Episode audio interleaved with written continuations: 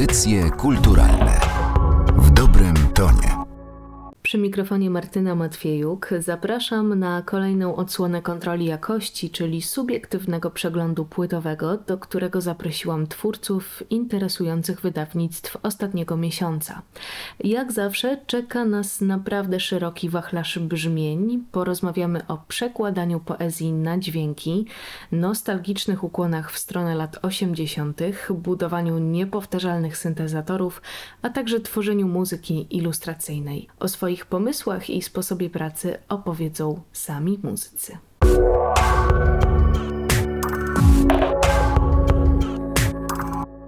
Zaczynamy od singla autorstwa Daniela Spaleniaka, utworu Matter of Time, który zapowiada nadchodzący album artysty. O ile poprzednie wydawnictwa były utrzymane w melancholijnym, niemal onirycznym tonie, tak ten bardzo rytmiczny utwór mógłby nawet poderwać do tańca.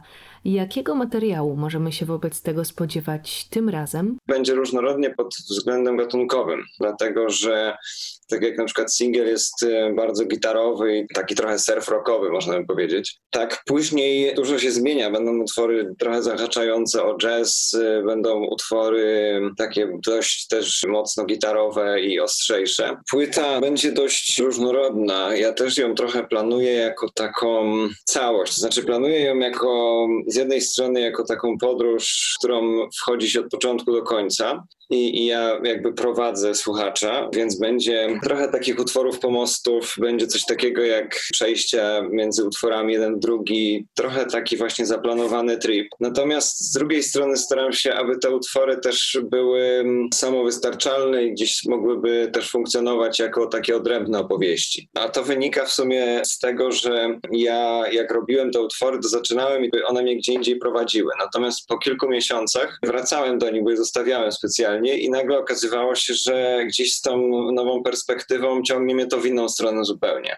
A nie chciałem też tym razem robić utworów takich bardzo długich. Miałem taki okres, gdzie lubiłem te utwory 6 minut, 5 minut robić.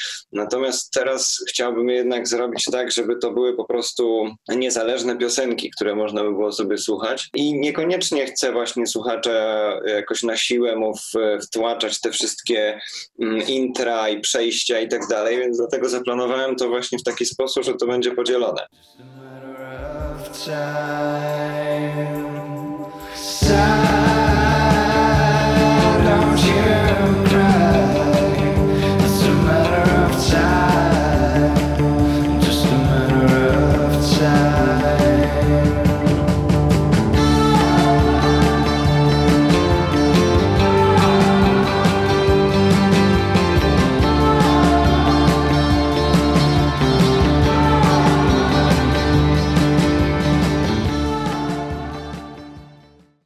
Dobrze, znamy już Matter of Time, a kiedy ukaże się cała płyta? To jest śmieszne, bo ta płyta miała być już gotowa w marcu. Oczywiście na razie wydałem jeden singiel i tak naprawdę ten jeden singiel jest już w pełni gotowy. Natomiast cała reszta, ona jeszcze ewoluuje i wydaje mi się, że już w tym momencie mam całość po prostu, która się ładnie łączy. Teraz tylko kwestia siedzenia nad detalami i bawienia się brzmieniem. Znając moje tempo, ja jeszcze też mam troszeczkę innych projektów w międzyczasie, więc wydaje mi się, że pewnie na jesień dopiero w przyszłym roku. Jesień przyszłego roku to jeszcze daleka perspektywa, ale już dziś możemy porozmawiać o pewnych ścieżkach, jakie obierasz. Określeniem na Twoją muzykę, które pojawia się bardzo często i w wielu miejscach, jest mrok.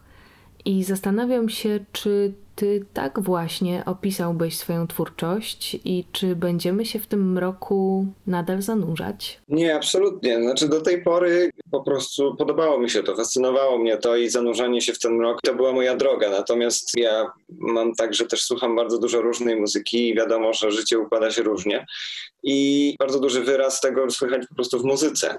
Ja mam bardzo bliski stosunek do tego i jest to bardzo osobista sprawa, więc jest to w pewien sposób odzwierciedlenie mojego życia. Jak teraz robię piosenki na tą nową płytę, to mam wrażenie, że one już nie są zanurzone tak głęboko w tych emocjach. Gdzieś zupełnie indziej mnie teraz ciągnie. Bardziej do takiej muzyki powiedziałbym przy której można się zrelaksować, a niekoniecznie jakoś się bardzo tym przejmować i emocjonować. Coś takiego po prostu chillowego, jakieś takie utwory zahaczające jakiś soul trochę. Takie rzeczy mnie interesują ostatnio, ale też ja nie jestem w ogóle dobrym wokalistą i dla mnie to też jest niesamowite wyzwanie, bo ja umiem udawać bardzo dobrze i siedzę tu przy tych utworach i, i, i mi to sprawia dużą przyjemność, natomiast ja nie umiem tego śpiewać. No i właśnie o to chodzi, że dla mnie to jest fajna zabawa w, w szukanie i poszerzanie gdzieś tych granic swoich. W to, że Daniel Spaleniak nie umie śpiewać, jakoś nie chce mi się wierzyć, ale poza piosenkami tworzysz też muzykę filmową, która obecnie zajmuje bardzo duży obszar Twojej działalności. Natomiast to, że tak się stało, jest dziełem pewnego przypadku. Nie planowałeś wcześniej bycia twórcą ilustracji dźwiękowych, czyli w pewnym sensie muzyki robionej na zamówienie. Jak sobie z tym radzisz? No właśnie dla mnie to jest idealna sytuacja, dlatego że ja uwielbiam muzykę filmową i uwielbiam filmy. Też się tym zajmuję, natomiast z drugiej strony są piosenki i, i utwory tego typu, które są zupełnie czymś innym i też zupełnie inne formalnie. To są dwie różne rzeczy, dwa różne sposoby myślenia o muzyce i no ja lubię się zanurzyć i w jednym i w drugim. Oczywiście jak się za długo siedzi w jednej rzeczy, to można zwariować, dlatego ja po prostu lubię to sobie rozgraniczać. I miałem taki okres, gdzie to się wszystko zlewało i te utwory moje przejęły trochę bardziej formę utworów instrumentalnych, długich, o których wspominałem. Natomiast teraz mam okres, w którym bardzo podobają mi się po prostu piosenki, trzyminutowe, fajne, zwarte piosenki, ale też nie mogę w tym za długo siedzieć, dlatego właśnie wspominałem o tym, że oprócz pracy nad płytą mam jeszcze teraz do zrobienia z Tomkiem Reńcą, zresztą robimy spektakl w Lublinie. Zapraszam we wrześniu, jest premiera Kimberly Akimbo w reżyserii reżyserii Aleksandry Popławskiej, więc jakby tutaj też mój debiut to będzie teatralny. W międzyczasie też jakieś tam projekty filmowe były, chociaż wspominałaś, że to jest muzyka na zamówienie, ale i tak jak ja mówię, że mam taki bardzo osobisty stosunek do tej muzyki, w zasadzie nigdy nie mam wrażenia, jakbym robił jakiś produkt dla kogoś. Zawsze zastrzegam też, jak z kimś zaczynam pracować, że ja nie jestem człowiekiem, który odbija coś od sztancy, jest w stanie jakby zrobić coś takiego, coś z czym się nie będę utożsamiał, czy coś właśnie jakby na zamówienie kogoś, że mam robić jakieś coś konkretnego w danym gatunku. Nie, ja wolę właśnie powiedzieć wprost, że wolę wolną rękę i jakiś tam przygotuję szkice i zobaczymy, czy to jest w ogóle ten rejon emocjonalny, w który byśmy chcieli uderzać. Czy powiedziałbyś, że tworzenie muzyki ilustracyjnej jest trudniejsze niż pisanie utworów autonomicznych, które jest taką trochę pustą kartką o nieznanym początku i końcu. No ja bym powiedział, że dużo trudniej jest napisać piosenkę, przynajmniej dla mnie, niż pisać muzykę ilustracyjną, dlatego że, no tak jak mówisz, w przypadku piosenek musimy wymyślić wszystko od zera i, i szukać tych emocji wewnątrz siebie. Natomiast zazwyczaj obraz niesie już jakieś emocje i to wystarczy odczytać. Przynajmniej dla mnie ja to widzę dość wyraźnie i w ten sposób jest to łatwiejsze, dlatego że tych dróg jest trochę mniej i, i przez to łatwiej łatwiej może je znaleźć. Ma się tylko kilka możliwości. Natomiast piosenka no, może pójść w każdą stronę i, i, można zrobić cokolwiek, więc dla mnie, szczerze powiedziawszy, łatwiejsze jest zrobienie muzyki do obrazu. Szczególnie jeżeli obraz jest ładny i jest to dobrze nagrane i naprawdę czuć te emocje. Niesamowitym dla mnie było to, co się wydarzyło na Twoim ostatnim albumie Burning Seas 2019 roku, bo gdybym nie wiedziała, że jest to zbiór utworów pisanych do różnych produkcji filmowych, to pomyślałabym, że jest to po prostu płyta z Twoimi kompozycjami, konsekwentnie tworzona w jednym klimacie, będąca takim zamkniętym dziełem. To też świadczy o sporym polu wolności, jakie masz, tworząc dźwięki do czyichś obrazów. Tak, tak, dokładnie. I też po prostu to było robione z, tak jak mówisz, z całkowitą wolnością, ale też w zgodzie ze mną. Ja to po prostu robiłem, bo, bo chciałem, bo mi się to podobało. I dlatego też tak zabiegałem o to, żeby ten album wyszedł, bo ja zbierałem ten materiał przez 4-5 lat w zasadzie od kiedy zacząłem w ogóle mieszkać w Łodzi i współpracować z e, ludźmi z filmówki od tamtego czasu, więc to też jest bardzo dużo duża rozpiętość, bo generalnie utwory na płyty zbieram tak rok, dwa lata i przez ten czas to zamykam. Natomiast tutaj te utwory się zbierały, zbierały, zbierały. No i też byłem w szoku, bo nagle okazało się, że one wszystkie się super łączą. I, i w zasadzie ta narracja, która w każdym filmie była zupełnie inna, nagle jak się zebrało te utwory, można było zrobić taki piękny zbiór opowiadań. Bo dla mnie to jest coś takiego, taki zbiór opowiadań, który jest jakby połączone jakimś takim emocją jedną. To powiedz jeszcze, co będzie najważniejsze na Twoim nadchodzącym piątym już albumie? Hmm, myślę, że zmiana, że radykalna zmiana brzmieniowa i poszerzenie tego wszystkiego, że nagle mam wrażenie, jakby ze świata 2D przeniósł się do świata 3D.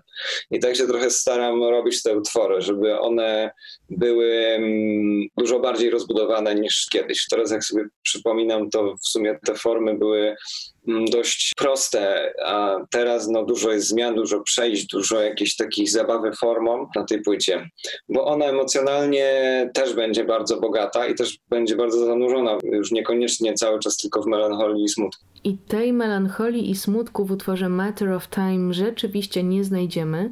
Jest za to sporo pozytywnego promieniowania. Mnie od razu na myśl przyszła płyta El Camino zespołu The Black Keys, tyle, że może w nieco bardziej sensualnym wydaniu.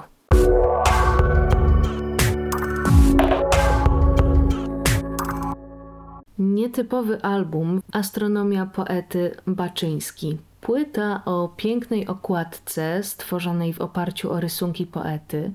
Niewielu z nas wie, ale Krzysztof Kamil Baczyński pragnął zostać grafikiem. Niestety te plany pokrzyżował wybuch II wojny światowej. W kontroli jakości rozmawiamy z twórcami tej płyty, czyli z Melą Koteluk i Bartkiem Wąsikiem z zespołu Kwadrofonik. Opowiedzcie proszę, jak wyglądała Wasza wspólna praca nad tym materiałem, bo interpretowanie i odczuwanie poezji wydaje mi się być bardzo indywidualną sprawą. Praca wyglądała w ogóle bardzo podobnie, tak jak teraz się widzimy na ekranach naszych telefonów albo tabletów. Kiedy zaczynaliśmy śpiewać lub grać, to okazywało się, że też dźwięk jest z opóźnieniem, więc to była taka bariera trochę trudna do przeskoczenia, ale nauczyliśmy się jakby dosyć szybko radzić z nią. Na początku w ogóle przez to, że my się nie widzieliśmy, jakby nie znaliśmy się wcześniej osobiście, też nie wiedzieliśmy jak pracujemy, to no, na pewno musieliśmy do siebie w jakiś tam sposób dotrzeć, ale nie było jakichś absolutnie dziwnych zgrzytów lub cichych dni. dni. A mam taką sytuację, bo tak jak wspomniała Martyna, no poezja jest takim gatunkiem literackim, w który no daje po prostu tutaj pełną szerokość interpretacyjną. To znaczy, ty mogłeś zupełnie inaczej odebrać drzewa, ja też je mogłam zupełnie inaczej odebrać. I no. mogliśmy na przykład gdzieś tam wspierać o nastrój, powiedzmy, a ja tutaj właśnie dążę do tego, żeby powiedzieć, że mieliśmy, i to jest kwestia trudna do ujęcia, mieliśmy podobne wyczucie, tak, co do nas, mhm. nastrojów, moim zdaniem. To prawda. To rzeczywiście bardzo kluczowa kwestia. Ja muszę przyznać, że po przesłuchaniu tego albumu mój obraz Baczyńskiego uległ sporej zmianie. To na pewno jest związane choćby z czasami edukacji szkolnej, która nieco wtłoczyła tego twórcę w taką stosunkowo wąską szufladę poetów wojennych, pokolenia Kolumbów, które kojarzyło mi się z trudnymi, często dla młodego pokolenia nieco abstrakcyjnymi dziś tematami. A z waszej płyty bije pewna lekkość, y, świetlistość i okazuje się, że te rozterki są bardzo podobne. Czy taki był wasz cel, aby niejako odczarować postać Baczyńskiego? On był dla mnie też daleki i obcy. Jawił mi się jako właśnie człowiek z głową na karabinie, poeta z głową na karabinie, jako żołnierz. Nie znalazłam tam takiego motywu, który by mi go jakoś po prostu oswoił. A jestem zdania, że tym motywem, który oswaja, jest ta miękkość człowieka, ta taka prawda jego wewnętrzna. Dlatego my gdzieś tak do tego dążyliśmy, żeby mhm. tego dotknąć, tego człowieka. Ja w ogóle miałem ciekawą rozmowę dwa dni temu. Grałem koncert y, na Warmii, w bardzo takim malowniczym kościółku położonym wśród pól. No i tam na tym koncercie, no z tego względu, że to jest mały kościół, tam mogło być, nie wiem, 70 osób. I jedną z tych osób była dziewczyna, która przyjechała ze swoją rodziną i ona jest polonistką. I ona mówiła mi o swoich wrażeniach właśnie po astronomii poety. I mówi, wiesz Bartek, ja i niektórzy, niektóre moje koleżanki, koledzy poloniści, oni się nie mogli doczekać do tego, że nareszcie ktoś zwróci uwagę na tego Baczyńskiego, który jest właśnie taki oniryczny, lekki, jasny, który zwraca uwagę na świat fantastyczny. Ona mówi, że poloniści nawet mają problem z tym, że rzeczywiście ten Baczyński wpadł w tą szufladkę takiego związaną w ogóle z wojną i z, i z powstaniem warszawskim, a ona mówiła właśnie, że nareszcie ona słyszy te teksty, które kochała najbardziej, znała te wszystkie wiersze doskonale. To było takie niesamowite właśnie, że, że rozmawiałem z osobą, która po prostu na tym się zna i to mnie jakoś tak uspokoiło i bardzo pocieszyło. A jednocześnie też te wiersze, które wybraliśmy i te piosenki, które są, na przykład piosenka Wolność, no to tam nadal są takie teksty, które w jakiś sposób mogą porwać ducha, ale niekoniecznie do walki, tylko do różnych rzeczy, do jakichś decyzji ważnych w życiu i nie tylko walki z wrogiem, ale jakby takiej też bardziej takiej symbolicznej walki, no i interpretowania wolności pod różnym kątem. Myślałam też o tym, jak mogło wyglądać budowanie waszej relacji z Baczyńskim, bo wchodzimy tu w zagadnienie pewnej odpowiedzialności i mówienia czyimiś słowami.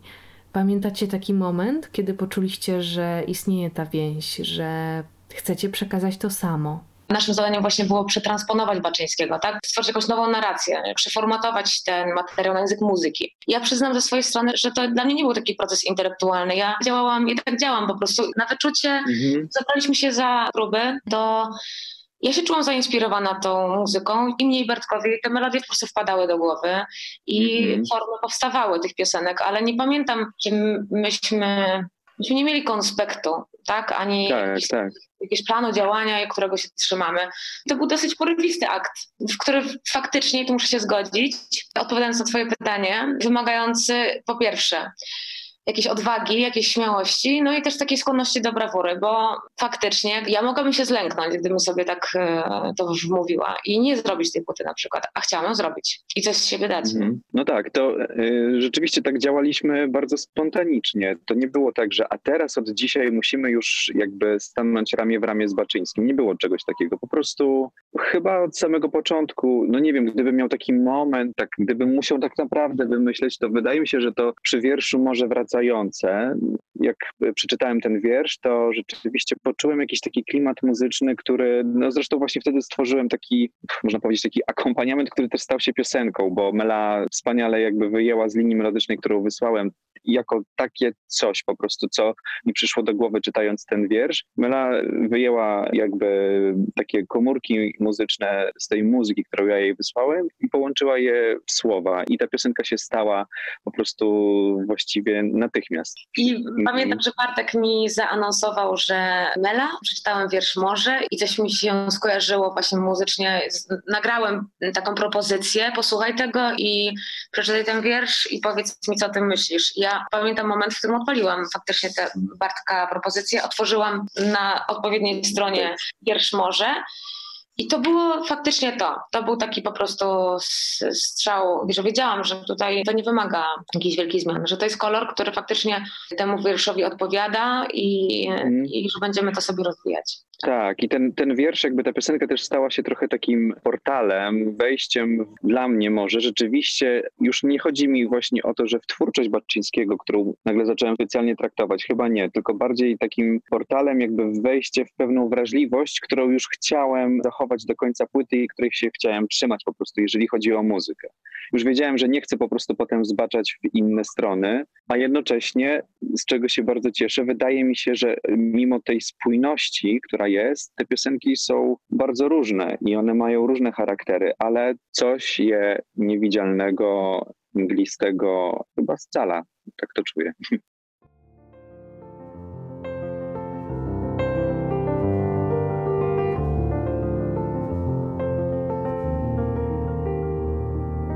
Pamiętasz, było kiedyś może szkliste, falistych linii łukach, morze, którego cieni można w obrazach szklanych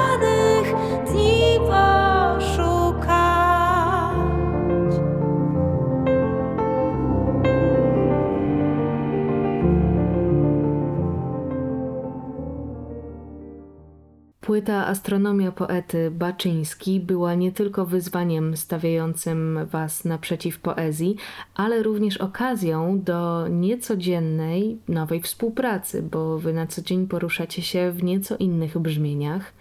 Czego nauczyliście się od siebie wzajemnie? Ta współpraca naprawdę bardzo wiele mnie nauczyła, bo ja dotychczas miałam tak, że raczej jak robiłam jakąś propozycję, powiedzmy melodii, a jestem przywiązana do swojej fazy, dosyć maniakalnie wręcz i ponieważ zdaję sobie sprawę z tego, że no mnie się najlepiej śpiewa swoje, lubię ten swój rytm gdzieś, tak? I w ten sposób się wyrażam. Ale gdy na przykład proponowałam przy różnych okazjach jakąś właśnie taką swoją melodię, to raczej ona została przyjmowana po prostu z dobrodziejstwem jej całości i ja nie miałam tam, tam oduczona do szukania jakby troszeczkę lepszych wariantów, jakichś lepszych wersji tej propozycji.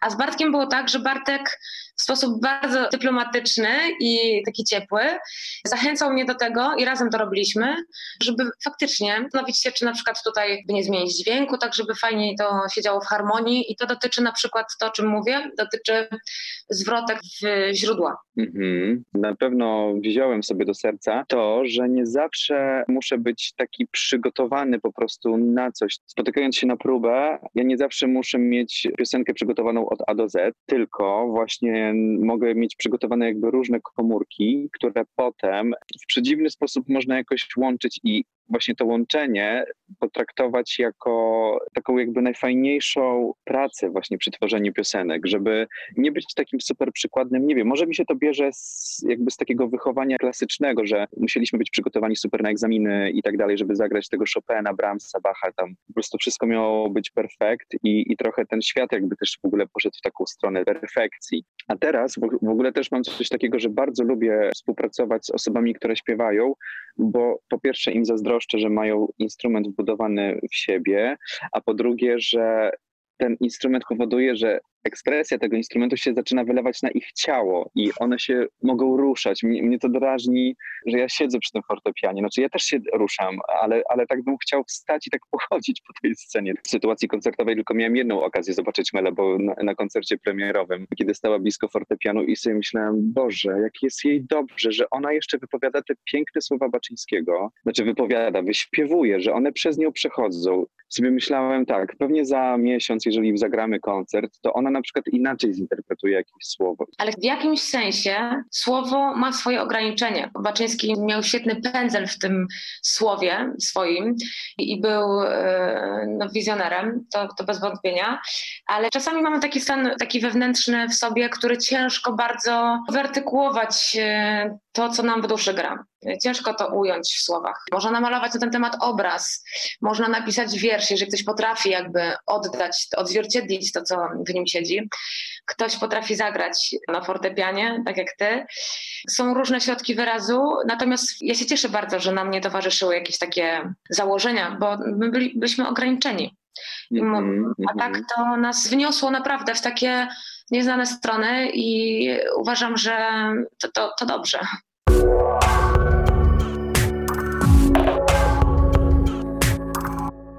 Przenosimy się teraz na mocno elektroniczną płytę Komorebi, o której opowiada Daniel Schleinda, znany dotąd głównie jako Daniel Drums. Ty na swoim koncie masz wiele albumów, ale Komorebi jest debiutem. Jest debiutem pod Twoim imieniem i nazwiskiem. Z czego wynika taka zmiana? Przede wszystkim tych wydawnictw w ostatnich latach rzeczywiście było sporo pod pseudonimem Daniel Drums i były to rzeczy bardzo różne, ponieważ pod tą nazwą Daniel Drums były wrzucone projekty zarówno hip-hopowe i były to nagrania oraz koncerty z Eldo. Były tam przeróżne moje mixtape, które czasem były hip-hopowe, czasem funkowe. Do tego dochodziły imprezy, które oscylowały gdzieś wokół muzyki house i techno. Do tego dochodziły audycje radiowe, które były z jednej strony na muzyce elektronicznej, z drugiej strony właśnie skupiały się przede wszystkim na muzyce klubowej.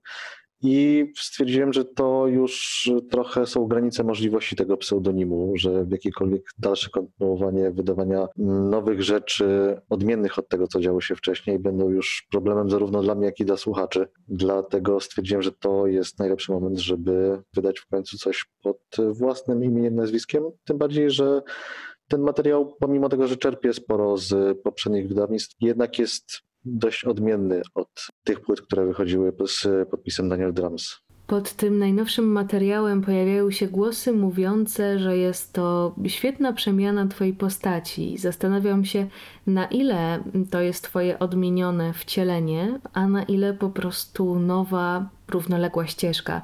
Czy będziesz rezygnował z wydawania jako Daniel Drums? Nie, oba te projekty będą cały czas istnieć i myślę, że też zaskoczenia dla osób, które jakoś może odrobinę bardziej uważnie śledzą to, co robiłem w ostatnich latach. Myślę, że ten album nie będzie wielkim zaskoczeniem, ponieważ tym rzeczom ambientowym, szczególnie właśnie w ostatnich trzech latach, poświęciłem całkiem sporo uwagi. No właśnie, bo jest to owoc poszukiwań, które rozpocząłeś już jakiś czas temu.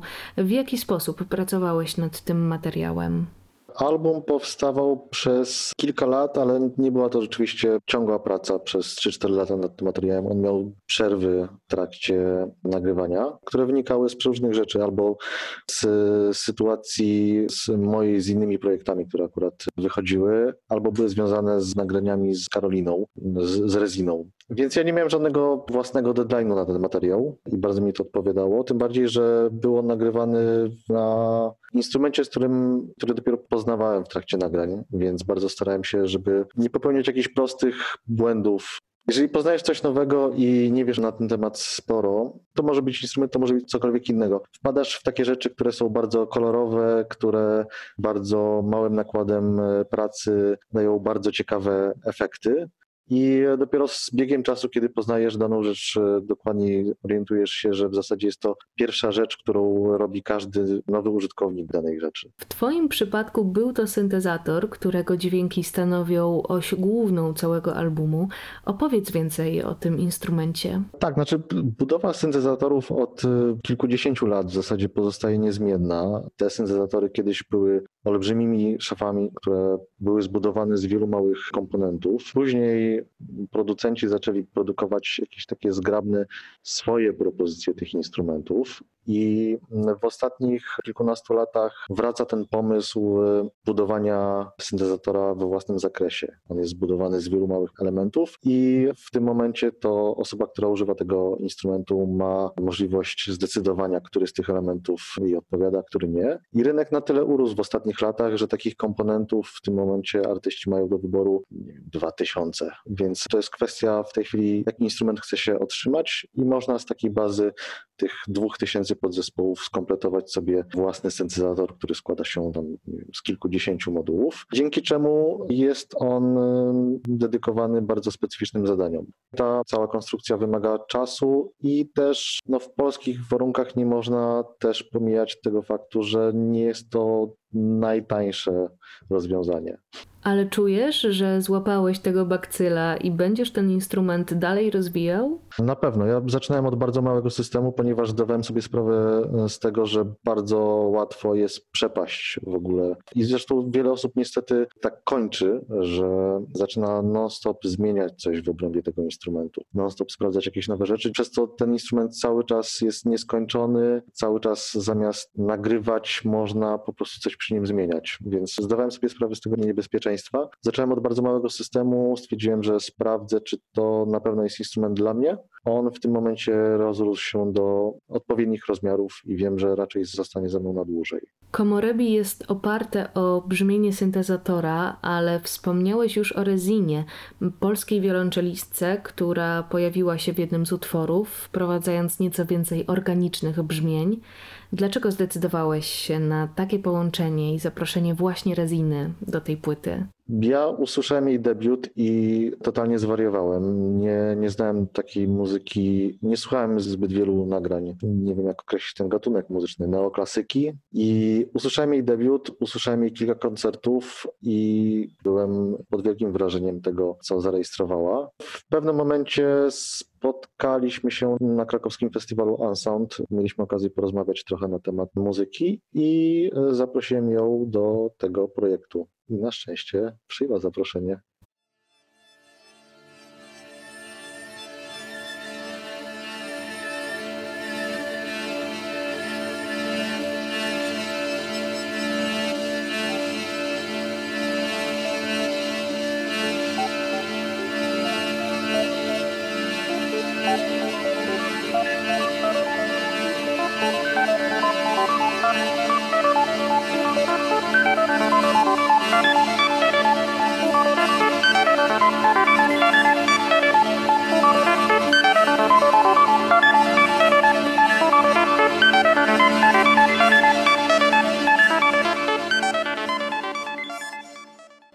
Porozmawiajmy o samym tytule. Komorebi, czyli w języku japońskim promienie słońca subtelnie przebijające się z pomiędzy gałęzi drzew. Motywem przewodnim dla tego albumu jest natura i dźwięki przyrody również możemy na tej płycie usłyszeć. Komorebi jest bardzo dźwięcznym słowem, które przede wszystkim brzmi tak samo po japońsku, jak i po polsku. Ja byłem pod wrażeniem, że Japończycy mają słowo na tak piękne zjawisko, które każdy z nas zna, każdy się tym zachwycał już od dzieciństwa, a w języku polskim chyba nie ma takiego zgrabnego słowa na to zjawisko. Punktem wyjścia dla mnie, dla tego albumu, była taka fantazja na temat świata bez ludzi. Album zaczyna się dokładnie w momencie, w którym umiera ostatni człowiek. I natura piękna, ale i bezwzględna ma szansę odzyskać to, co jej. Wzięło się to z tego, że mam e, słabość do takich obrazków, które zresztą w Polsce bardzo często je można zobaczyć. Architektury, która jest od dawna opuszczona, która jest e, zarośnięta, drzewo rosnące w jakiejś kamienicy albo w budynku rozwaliło dach, rozwaliło okna. I zastanawiałem się, często się zastanawiam, ile potrzeba czasu, żeby natura do końca przejęła właśnie takie betonowo-metalowe konstrukcje, które zrobiliśmy. Komorebi jest bardzo dźwięcznym słowem, które przede wszystkim brzmi tak samo po japońsku, jak i po polsku. Ja byłem pod wrażeniem, że Japończycy mają słowo na tak piękne zjawisko, które każdy z nas zna, każdy się tym zachwycał już od dzieciństwa, a w języku polskim chyba nie ma takiego zgrabnego słowa na to zjawisko. Punktem wyjścia dla mnie, dla tego albumu była taka fantazja na temat świata bez ludzi. Album zaczyna się dokładnie w momencie, w którym umiera ostatni człowiek. I natura piękna, ale i bezwzględna ma szansę odzyskać to, co jej. Wzięło się to z tego, że mam e, słabość do takich obrazków, które zresztą w Polsce bardzo często je można zobaczyć. Architektury, która jest od dawna opuszczona, która jest e, zarośnięta, drzewo rosnące w jakiejś kamienicy albo w budynku rozwaliło dach, rozwaliło okna. I zastanawiałem się, często się zastanawiam, ile potrzeba czasu, żeby natura do końca przejęła właśnie takie betonowo-metalowe konstrukcje, które zrobiliśmy. Przyroda jako punkt wyjścia do pomysłu na Komorebi, a jakie inspiracje muzyczne mógłbyś tutaj wskazać? Na pewno można się tam doszukać Rajsia, którego trudno tak jakby pominąć w momencie, kiedy robi się muzykę opartą na patternach, a dodatkowo jeszcze z takimi brzmieniami jak celesta czy, czy marimba szczególnie. No ja też nagrywając tę płytę miałem chyba to szczęście, że nie byłem jakoś bardzo osłuchany z muzyką ambientową i minimalistyczną. Gdybym słuchał więcej takiej muzyki przed nagraniem płyty, to nie wpadłbym na pomysł, żeby połączyć na przykład jednak dość klubowy acidowy syntezator z, właśnie z Celestą. Zaraz później na pewno zacząłem trafiać na bardzo dużo rzeczy, a w szczególności z rzeczy japońskich z lat 80., natomiast przy nagrywaniu akurat tej płyty, pomimo tego, że tytuł mógłby sugerować inspiracje japońskie, myślę, że ta muzyka ambientowa z lat 80. z Japonii nie miała za bardzo wpływu na, na brzmienie komorebi. Dostaliśmy płytę zahaczającą o ambient, nawiązującą też do minimalu, ale z drugiej strony także bardzo pulsujący materiał.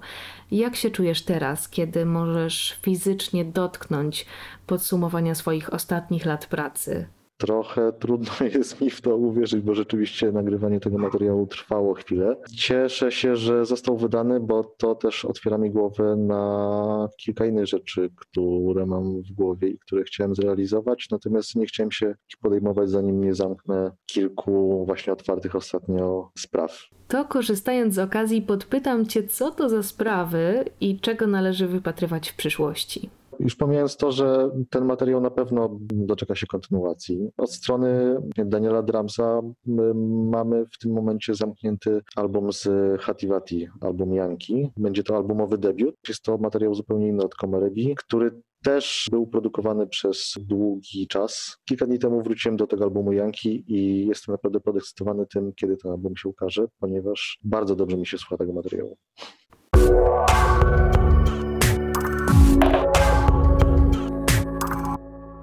Na zakończenie sierpniowego wydania kontroli jakości wrocławski duet Bluszcz. Dwaj bracia, Jarek i Romek Zagrodni, tworzą zespół nawiązujący w swojej twórczości do estetyki lat 80. Takie przynajmniej były dotychczasowe albumy. Za nami premiera dwóch singli z nadchodzącego wydawnictwa.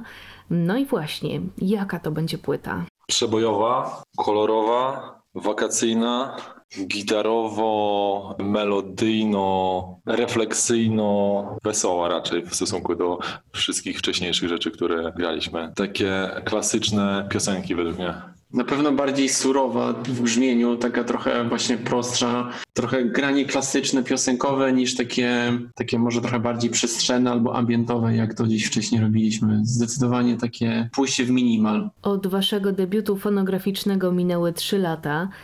Czym się różni Bluszcz dzisiaj od duetu z początków waszej działalności? No, Myślę, że Blusz trzy lata temu nie wiedział zupełnie co robi i robił wszystko na takiej zasadzie intuicyjnej, że próbował różnych rzeczy, bo trochę nie wiedział o co w tym chodzi. Co też oczywiście ma swoją zaletę. Nie twierdzę, że to coś jest, umniejszam temu. Myślę, że też coś się traci wraz z doświadczeniem i tak dalej, więc na chwilę obecną wydaje mi się, że bardziej nas ciągnie do jakiegoś takiego grania właśnie prostszego, że trochę mniej myślimy taką kwestią studyjną i produkcyjną, a trochę też może bardziej taką koncepcją grania live, bo wiele osób w ogóle, które przychodziło na nasze koncerty, twierdziło, że my na koncercie i na płytach zupełnie inaczej brzmimy, że na koncercie hałasujemy na gitarach i w sumie jest tak trochę bardziej surowo, a nasze płyty są takie trochę wypieszczone, takie wygładzone, wy, wysiedziane w studio i wydaje mi się, że ta płyta przede wszystkim takim trochę chyba energią będzie najbardziej zbliżona do jakiegoś takiego klimatu koncertowego. W tych nowych piosenkach jest tak, że znacznie większą rolę ma wokal, tekst i też wszystkie piosenki są po polsku, więc to też mocno dominuje album. Tych poprzednich wydawnictwach dało się znaleźć inspiracje latami 80. i też chyba to zostało niejako przypięte do zespołu Bluszcz. Skąd w was to zamiłowanie do tej estetyki? Może wynieśliście to z domu rodzinnego? Nie wiem, dobre pytanie. Myślę, że wiele czynników na to wpłynęło. Pewnie muzyka, jaką jesteśmy odsłuchani, która gdzieś tam nas wychowywała i ukształtowała na pewno estetycznie, brzmieniowo. Myślę, że też zbiegło to z tym, jak zakładaliśmy zespół i nagrywaliśmy pierwszą płytę i w sumie się uczyliśmy tak dopiero de facto produkcji tematu związanego w ogóle z brzmieniem, to kupiliśmy taki stary synth Rolanda z lat 80., który ukształtował to brzmienie i potem się za nami tak ciągnie, więc nie było nigdy żadnych takich rozkmin, że my usiedliśmy i w ogóle stwierdziliśmy, ej, słuchaj, w ogóle zróbmy coś 80sowo, tylko wszystko się po prostu tak potoczyło, nagle było gotowe, wypuściliśmy to i zawsze lubiliśmy jakieś takie rzeczy 80sowe, w sensie tak muzycznie, lubiliśmy też granie gitarowe i też gdzieś tam nasza droga muzyczna zawsze się zahaczała o to, więc jest jakaś po prostu wypadkowa bardzo wielu elementów, które w rezultacie dają pewną jakąś stylówę, jakiś sound, która jest jakąś naszą powiedzmy wizytówką. A nie powiedzielibyście, że tych nawiązań do lat 80. jest obecnie dużo na polskiej młodej scenie? Ja mam wrażenie, że ta retromania jest bardzo silnym trendem. Na pewno bym powiedział, że tak jest i generalnie to nie chodzi tylko chyba w ogóle o muzykę, ale jeśli mowa o retromanii, no to to jest jakieś takie zjawisko bardziej kulturowe. Nie zawężałbym tego do muzyki, bo generalnie temat retromanii jest już tak szeroko w naszej kulturze wszechobecny, że on zahacza o każde właściwie sfery gdzieś tam kultury i widzimy to w każdej jakiejś dziedzinie. Ja nie wiem, z czego to wynika. To jest w ogóle ciekawy temat, cały temat powrotów. Z jednej strony, nie wiem, jest to trochę obiektem jakiegoś takiego zarzutu w stosunku do młodego pokolenia, że co za 30 lat będzie wspominane w świetle lat 20., lat 10., że co my wymyśliliśmy nowego. Ja bym nie była aż tak surowa, bo jednak te powroty do przeszłości są filtrowane przez naszą wrażliwość tu i teraz. Zastanawiam się tylko, na ile ta inspiracja jest pojemna. Czy wyobrażacie sobie nagranie 10 albumów w takiej konwencji? A jeśli nie, to w którą stronę czujecie, że wasze brzmienie może się kształtować? Chyba przyjdzie na to czas, żeby odpowiedzieć na to pytanie, bo My nie planujemy jakoś tak wybitnie tego w przód i sobie wymyślamy jakichś stylów, w co idziemy i wszystko dosyć naturalnie u nas wynika i robimy po prostu sobie rzeczy i szukamy jakichś dróg dla siebie, jakichś takich przestrzeni, w których się po prostu czujemy dobrze i w których czujemy, że jest tam coś, co możemy zaproponować od siebie, więc no nie wiem, ciężko mi powiedzieć, co będzie z Bluszczem za parę lat. Chyba, że ty Romek wiesz, już imię nie powiedziałeś. Mi się wydaje też, że ten okres retromanii się przesuwa z czasem. Wiadomo, że lata 70., 80. to jest chyba jeden z najpiękniejszych okresów dla muzyki w ogóle, więc tam zawsze będzie można coś znaleźć nowego dla siebie, ale to niekoniecznie musi być zawsze tylko i wyłącznie sfokusowane na tych konkretnie latach. Mi się wydaje, że to wszystko może się przesuwać i z pewnością się przesuwa, a skoro mówimy o powrotach, to wy niedawno wydaliście też cover utworu wyjątkowo zimny maj zespołu Manam, który dzięki wam zyskał zupełnie nową, bardzo świeżą odsłonę.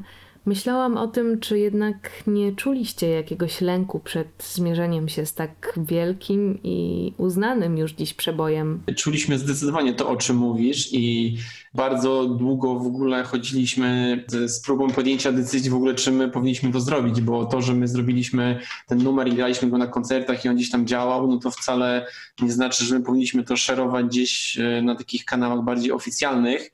Długo za nami chodziło, czy my sobie czasem nie strzelimy w kolano bo to generalnie jest banalnie łatwo zrobić, żeby wymyślić sobie jakiś taki pomysł, żeby łapać się za traki Manamu i generalnie jakby zrobić krzywdę i sobie i trochę też temu trakowi, więc my jakby bardzo ostrożnie do tego przede wszystkim podchodziliśmy i gdzieś tam ta decyzja dojrzewała, czy robić to, czy może jednak się nie porywać z motyką, ale daliśmy sobie trochę czasu, z tym nagraliśmy ten numer w sumie, który tak trochę wyniknął na potrzeby koncertów, no i po prostu potem stwierdziliśmy, że, że może to jest jednak fajne, że może ktoś tego posłucha i będzie miał też fajny dzień, albo w jakiś sposób trochę też odświeżymy może ten numer, może znajdzie się ktoś, kto nas słucha, a nie zna Manamu, co się w ogóle, co ciekawe okazało, że, że znaleźli się ludzie, którzy w ogóle myśleli, że to jest nasz numer w sumie takim finalnym etapem dochodzenia tej decyzji, do jakby podjęcia jej na tak, było to, że wysłaliśmy tą piosenkę panu Kamilowi Sipowiczowi z zapytaniem, czy możemy ją użyć, czy może wręcz przeciwnie powie, żebyśmy to usunęli i żebyśmy nigdy więcej tego nie grali. W sumie po czasie nie żałuję, że to zrobiliśmy, bo dalej lubimy ten track. Byliśmy zadowoleni z tego, jak to brzmi. Postanowiliśmy zrobić do tego klip. Bardziej ten klip był zmierzenie się z czymś takim, żeby połączyć muzykę z obrazem i żeby to to jakoś obronić, żeby to było trochę nowoczesne, też w brzmieniu i żeby była jakaś wartość dodana, a nie tylko po prostu zagrany cover Manamo. Ten klip w moim odczuciu łączy się świetnie z zaproponowanymi dźwiękami, jak zresztą w ogóle cała oprawa wizualna waszych wydawnictw. Tutaj odsyłamy słuchaczy do okładek singli i albumów. A skoro już było trochę o ikonach, to jestem bardzo ciekawa, jaki jest Waszym zdaniem najlepszy polski młody zespół tworzący muzykę niezależną czy, nie wiem czy najlepszy, ale na pewno jeden z ciekawszych takich zespołów, które ja sobie bardzo cenię, wiem, że Romek też, to jest zespół Czasy. Bardzo nam się podoba w ogóle ich podejście do tematu i też podoba mi się dystans i przede wszystkim teksty, jakie są proponowane, więc to na pewno jeden z ciekawszych. I ja zespół Czasy też polecam Państwa uwadze, a póki co pozostawiam z utworem Mars Volta, który jest zapowiedzią trzeciej płyty duetu Bluszcz. I już dziś zapraszam na kolejne wydanie kontroli jakości. W pierwszy wrześniowy piątek porozmawiamy o tym, jak brzmi polska alternatywa. Martyna Matwiejuk, dziękuję za uwagę i do usłyszenia.